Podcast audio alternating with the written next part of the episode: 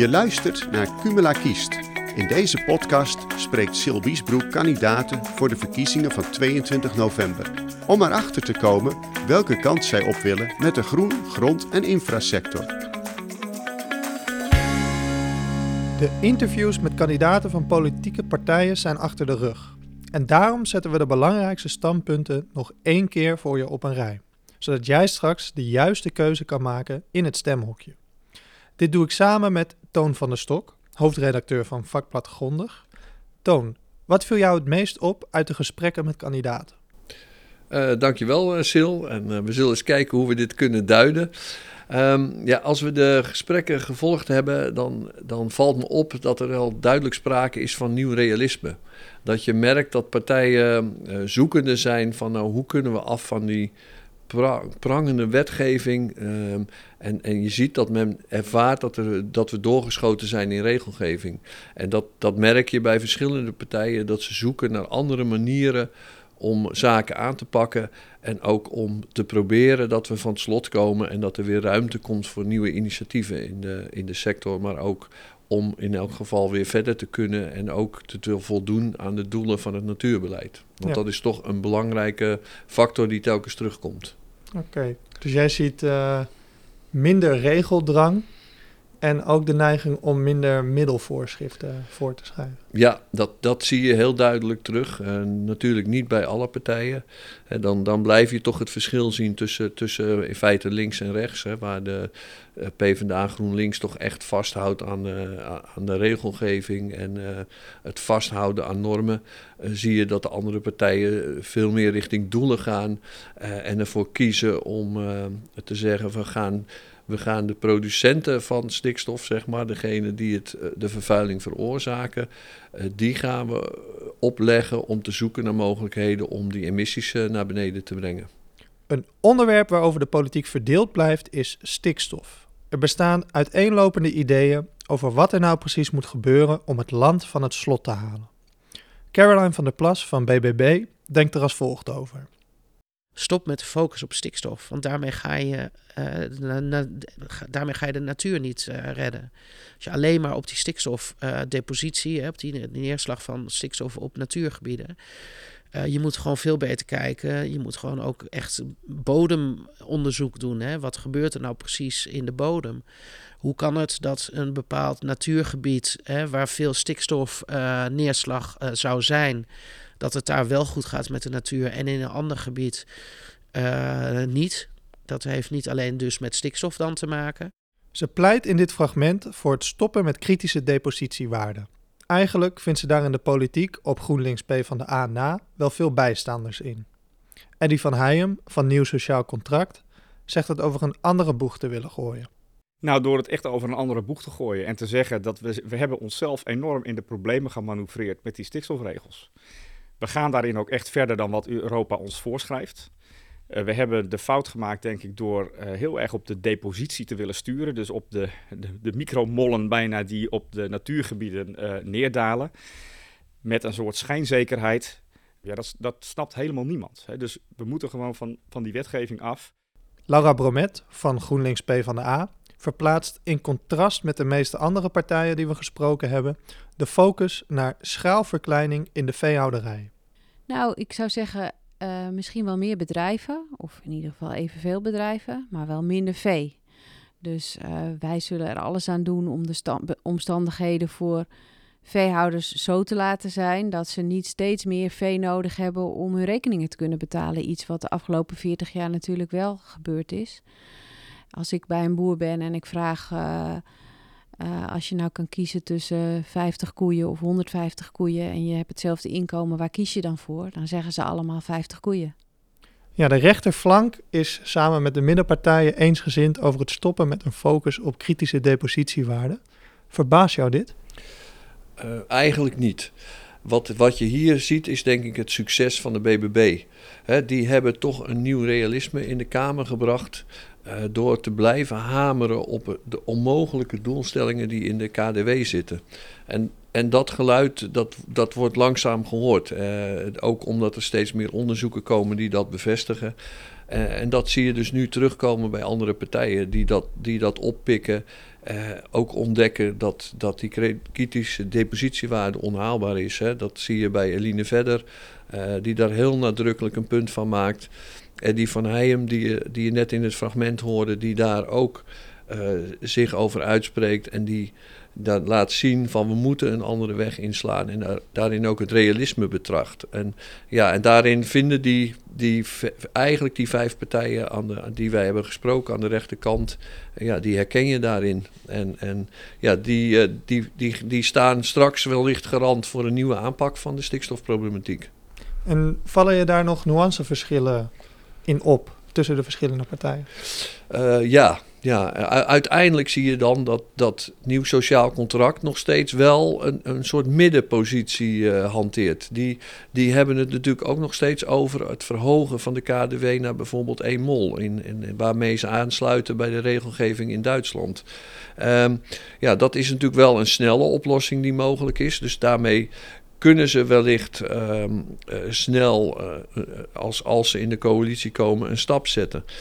Kijk, en bij Elini Verder merk je dat, dat die uit de sector komt en dat hij ook vertrouwen heeft in innovatie. En die ook aangeeft van nou, met, met goede doelstellingen kunnen we als sector vooruit en dan kunnen wij zorgen en dan gaan we ook laten zien dat we het halen. En dat is misschien wel een beetje analoog hoe we de afgelopen jaren gezien hebben hoe we de ammoniakproblematiek al aangepakt hebben en waar de uh, veehouderijsector uh, samen met de loonwerkers die dat werk uitvoerden, al die enorme reductie van, van ammoniak gehaald hebben.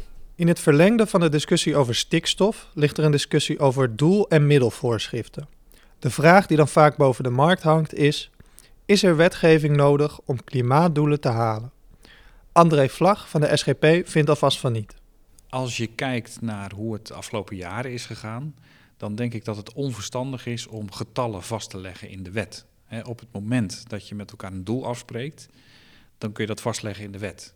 Je kunt ook nog bepaalde stappen daar naartoe vastleggen in de wet. Maar op het moment dat je getallen en jaartallen aan een wet gaat koppelen, en je zou het door wat voor omstandigheden dan ook niet halen, daar kunnen hele goede redenen voor zijn, dan vind ik dat je als parlement moet kunnen zeggen, nou, uh, jammer dat we het niet halen. Wat is wel haalbaar zonder dat we onevenredige schade toebrengen aan bepaalde sectoren? Nu is het zo dat uh, bepaalde belangenorganisaties terecht een beroep kunnen doen op die wet via de rechter. En als we niet uitkijken, gaan we straks uh, meer vanuit de rechtszaal besturen dan vanuit het parlement. Het lijkt wel een overkoepelend thema te zijn, deze verkiezingen. De regeldrang van de overheid. Daar komen we straks ook nog over te spreken in relatie tot het belastingstelsel. Toch, als het gaat over klimaatdoelen, ziet Tom van Kampen van de VVD mogelijkheden om akkoorden af te sluiten met bepaalde sectoren. Nou, ik denk dat uiteindelijk het Rijk daarin wel een, uh, een rol heeft. En als je zo'n bouwakkoord met elkaar sluit, um, dat, je, dat dat niet alleen een akkoord is waar uh, de overheid ondernemers aan houdt, maar dat ondernemers de overheid daar ook aan houden. Hè, dus dat het niet alleen is die overheid die zegt: dit spreken we af, ga dit maar regelen. En we houden jullie eraan. Maar dat je ook als ondernemer mag weten dat als je een akkoord sluit, dat die overheid ook haar deel van de rekening uh, pakt en neemt. En dat vind ik de manier waarop je zo'n akkoord sluit. En dan zal die overheid daar een verantwoordelijkheid in hebben. Toon, op basis van wat je gehoord hebt, denk je dat andere partijen open zullen staan voor het sluiten van akkoorden waarin bepaalde doelen en misschien ook middelen worden vastgelegd binnen specifieke sectoren? Dat, dat zal zeker kunnen gebeuren. Maar dat gaat erg afhangen van welke coalitie er straks gevormd gaat worden na de, na de verkiezingen. En kijk, als het, als het over rechts is, zal het ongetwijfeld deel uit gaan maken van een nieuw regeerakkoord. Partijen als VVD, CDA, SGP en BBB, die staan hiervoor. En ook over rechts zal het nieuw sociaal contract daarin meegaan. die geven wel aan, we willen toe naar die doelvoorschriften. En kijk, en dat betekent toch dat je met samen afspraken maakt met de overheid en dat je daar als sectoren naartoe gaat werken. Of dat nou is in de bouw of, of in de landbouw is. Aan de andere kant is als het over links gaat met de nieuwe coalitie, dan kon dat nog wel eens een stuk lastiger zijn. Want je ziet dat bijvoorbeeld uh, nieuw sociaal contract er ook wel wat dubbel in staat. Uh, want eigenlijk hebben ze met, met wat ze stellen, we kunnen die kritische depositiewaarde ook naar één brengen eigenlijk al een soort compromis voorbereid. Van nou, we blijven vasthouden aan de, uh, de, de, normen die we moeten halen, die normen die we in de natuur moeten halen. En daar, maar goed, we stellen ze iets naar boven bij en dan kunnen we daar naartoe gaan werken. Dus in dat geval zal het toch een andere kant op uh, gaan. En ja, daarin zal nieuw sociaal, sociaal contract toch een, een belangrijke rol gaan spelen, verwacht ik. Omdat die in die coalitieonderhandelingen gezien de huidige verwachting qua aantal zetels een hele belangrijke rol gaan spelen. Oké. Zie jij een nieuw sociaal contract dan meer hangen naar middelvoorschriften in plaats van doelvoorschriften? Nou, dat ook weer niet. Nee, want ze zijn ook een hele realistische partij. Dus uh, je ziet dat ze, dat ze zien hoe je stap voor stap ergens naartoe kunt werken. Alleen, uh, ja, uh, als je toch richting onderhandelingen gaat en je moet ergens stappen zetten en je ziet hoe, hoe sommige partijen vasthouden aan die normvoorschriften, ja, dan, dan is het de vraag welke keuze ze gaan maken. En, en daar laten ze zich eigenlijk nog niet over uit. Ja. En zie je dan bijvoorbeeld het nieuw sociaal contract en CDA, zie je daar grote verschillen tussen in dit geval?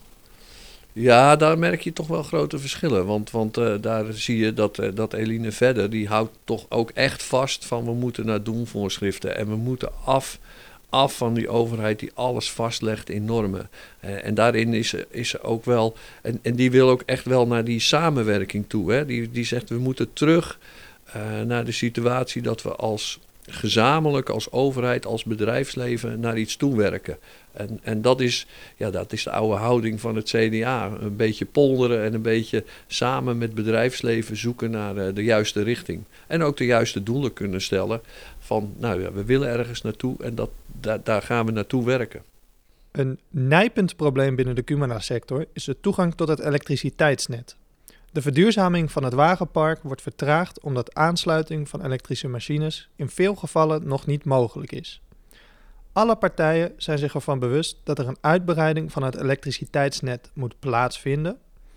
En volgens Eddy van Heijem van Nieuw Sociaal Contract kan een tijdelijke vertraging van de energietransitie een uitkomst bieden. Nou, um, om te beginnen denk ik dat we moeten onderkennen dat de energietransitie um, te chaotisch en ongeorganiseerd verloopt op dit moment. We, wij doen en willen alles tegelijk. Uh, en een van de belangrijke dingen is gewoon eerst maar eens onderkennen dat het een probleem is. En dat je misschien meer stap voor stap dingen moet gaan doen en uitbouwen. Uh, want diezelfde ondernemers, het gaat niet alleen voor ondernemers die niet op het net kunnen. Uh, het, zijn ook uh, huishoudens, nieuwe projecten, nieuwe woonwijken waar, waar dat voor geldt. En ondertussen verdubbelen we de gasbelasting krijgen huishoudens en MKB-ondernemers daardoor rekeningen gepresenteerd waar ze eigenlijk niet onderuit kunnen, omdat ze ook niet naar een alternatief kunnen overschakelen. Ja, en daar moet gewoon echt veel meer ordening en samenhang in komen. Toch is een uitbreiding van het elektriciteitsnet onvermijdelijk. Dat betekent ook dat er moet worden afgesproken wie er prioriteit krijgt bij aansluiting op het net. André Vlag van SGP heeft hier het volgende idee over. Ja, het is bijna ondoenlijk om daar een prioriteitsstelling in aan te leggen. Want ook van van burgers vraag je om hun huis te verduurzamen, van het gas af te gaan. Ik denk dat er een soort nationaal plan op moet komen waarin die prioritering wordt gedaan. In overleg met uh, belanghebbenden. Dat is een wat vaag antwoord, dat besef ik wel. Maar ik vind het te kort door de bocht om te zeggen: ondernemers gaan altijd voor of, of burgers gaan altijd voor. Ik denk dat we samen met elkaar door, door die flessenhals heen moeten. En dat kan alleen maar als je echt gaat investeren in dat net. Ja, mensen waren wat terughoudend om die vraag over prioritering te beantwoorden. Ervaarde jij dat ook zo? Ja, dan merk je dat ze daar allemaal mee worstelen. En, en eigenlijk ook, ook wel beseffen dat, dat, dat, dat we eigenlijk op de verkeerde weg zijn.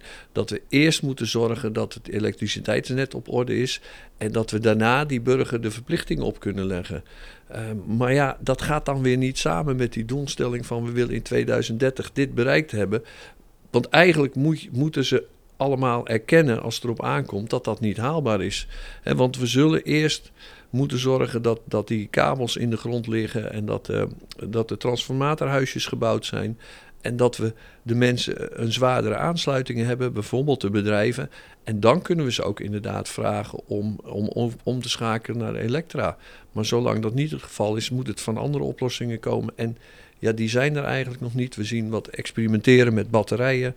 Ehm, ja, dat, dat zou een kleine oplossing maar ook kunnen zijn. Maar ook dat vraagt enorme investeringen. Dus ja, en zolang dat net er niet is, kun je ook niet zeggen van nou, burgers gaan voor bedrijven.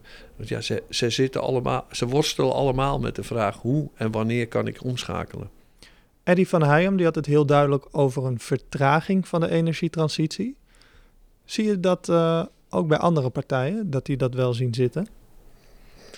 Ja, ze, spreken het niet zo uit, uh, maar, maar het is er wel. En, en uh, ja, het feit dat je niet kan kiezen voor prioritering, uh, geeft dat al een beetje aan. Want je, je weet niet waar er straks een kabel ligt. En ik denk dat dat, dat, dat veel meer bepalend zal zijn voor de stap die je kan zetten. Hè. Je zou eigenlijk moeten zeggen van nou, uh, daar waar het uh, elektriciteitsnet op orde is of een uitbreiding is, daar gaan we sturen op een stapje naar beneden met het gebruik van fossiele brandstoffen. En dan, dan kun je ook zeggen van nou, hier hebben we ruimte voor bedrijven, hier hebben we ruimte voor, uh, voor woningen, voor burgers die, die schakelen. En daarmee kun je dan verder gaan. Maar goed, dat, dat, dat vergt vertrouwen in, in, hè, in als je als overheid die stappen zet, dat bedrijven zullen volgen. Maar dat kun je dan ook sturen met belastingen of subsidies. Ja, je noemt al belastingen. Het belastingstelsel moet hervormd worden. Daar zijn alle partijen het eigenlijk wel over eens uh, die we gesproken hebben. Minder toeslagen en overzichtelijke belastingen, daar hebben ze het meestal over. En dat heeft dan als doel dat werken beter moet lonen. Om ervoor te zorgen dat meer werken goed loont, heeft Caroline van der Plas het volgende idee. Um, wij willen ook, het staat ook in ons verkiezingsprogramma, um, dat bijvoorbeeld iemand die acht of tien uur overwerkt, dat die eerste tien uur bijvoorbeeld uh, niet belast wordt. Ja. Dus dat dat gewoon ook echt uh, netto meer loon betekent. Uh, wij kijken ook naar um, een systeem in te voeren. Maar dat staat nog wat in de kinderschoenen, want daar hebben we echt hulp bij nodig om dat op een goede manier een voorstel voor te maken. Om te kijken of je niet tot een bepaald uh, inkomen um, ook belasting en premievrij kan zijn. Zodat je bijvoorbeeld ook van de toeslagen af kan. Want je ziet heel vaak mensen zeggen, ja, ik kan wel twee uur gaan werken extra, of vier uur of acht uur.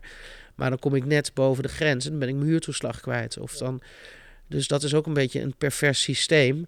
Dat mensen zeggen van ja, ik ga niet meer zoveel werken, want uh, netto ga ik daar uh, niet, uh, niet op vooruit.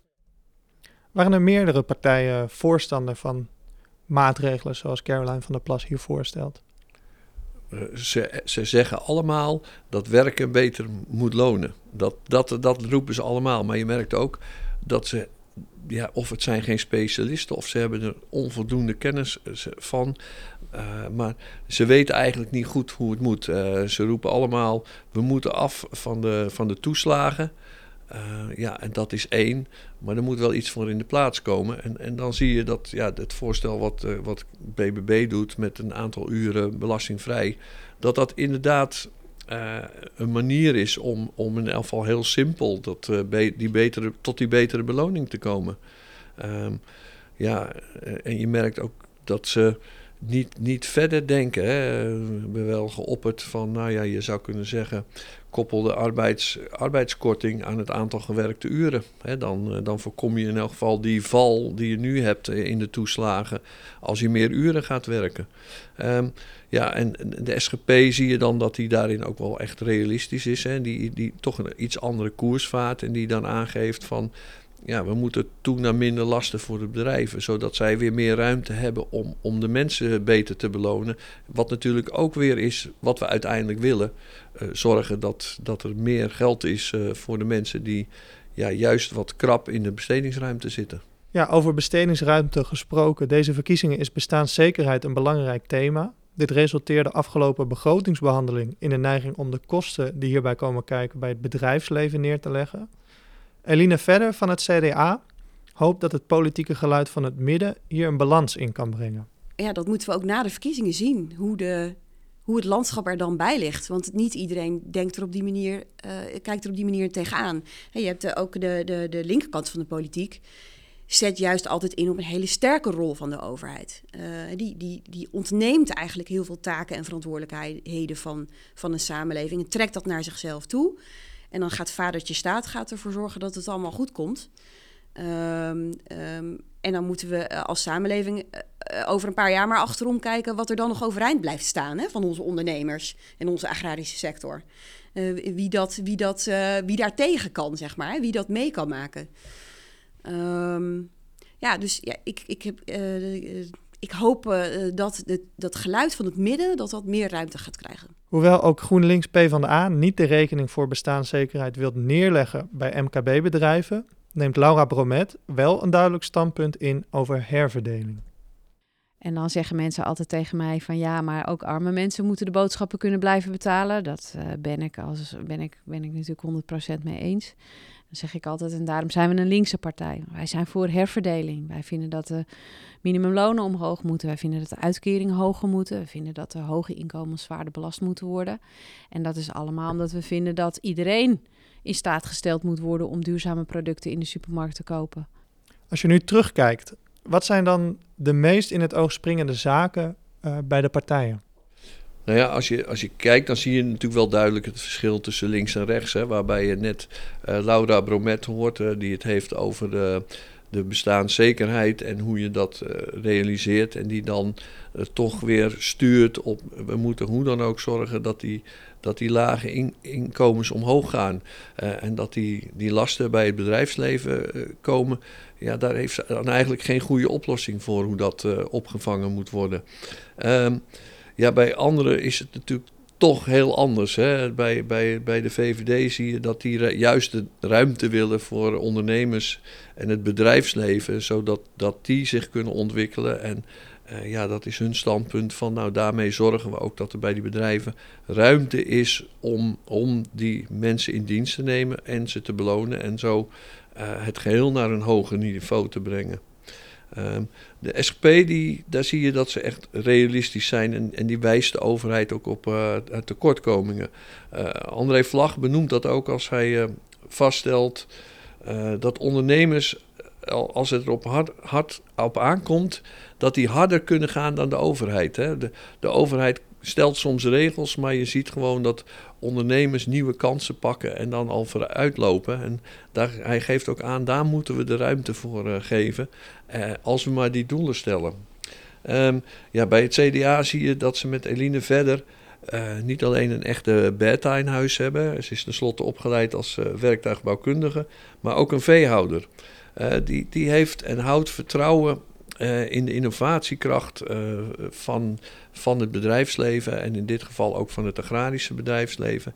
En daarmee wil ze van de tegenstellingen af.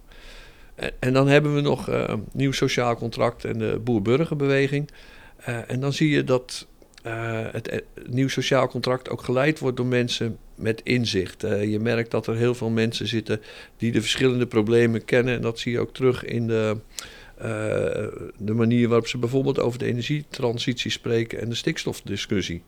Maar tegelijk blijven zij ook voor inkrimping van de veestapel. Het wordt niet zo uitgesproken. Het kwam later niet in ons fragment ter sprake, maar wel in andere uitingen die ze gedaan hebben. En, en daar, daar, daar zie je dat ze, denk ik, dat ze uiteindelijk sommige mensen die twijfelen tussen die partijen uh, toch richting BBB sturen. Omdat die ja, daarin net wat uitgesprokener zijn. Um, um, ja, en, en ja, BBB herkennen we dus als de partij die daar al, al jaren voor strijdt. Uh, en die daar nu uh, ja, ziet dat andere partijen volgen. En waarbij je merkt, ze kennen ook de sectoren, ze kennen onze sector en weten wat de noden zijn. Dus ja, uiteindelijk zijn we heel benieuwd hoe het uh, straks uitpakt met de verkiezingen. En, en wat daaruit gaat komen. En, en ja, als, als maker, opdrachtgever bij deze podcast zou ik zeggen: luister naar de aflevering of kies de aflevering van kandidaten waar je tussen twijfelt. eh, het helpt je vast om keuzes te maken. Ja, we zijn nu inderdaad bij de laatste aflevering uh, teruggekomen. Ze zijn allemaal nog terug te luisteren op uh, verschillende streamingsplatforms en ook op de site van Cumula. Toon, jij bedankt voor het aanschuiven vandaag. En voor de luisteraar, ik hoop dat de afgelopen afleveringen je geholpen hebben om je te oriënteren op de verkiezingen van 22 november. En uiteraard ook bedankt voor het luisteren.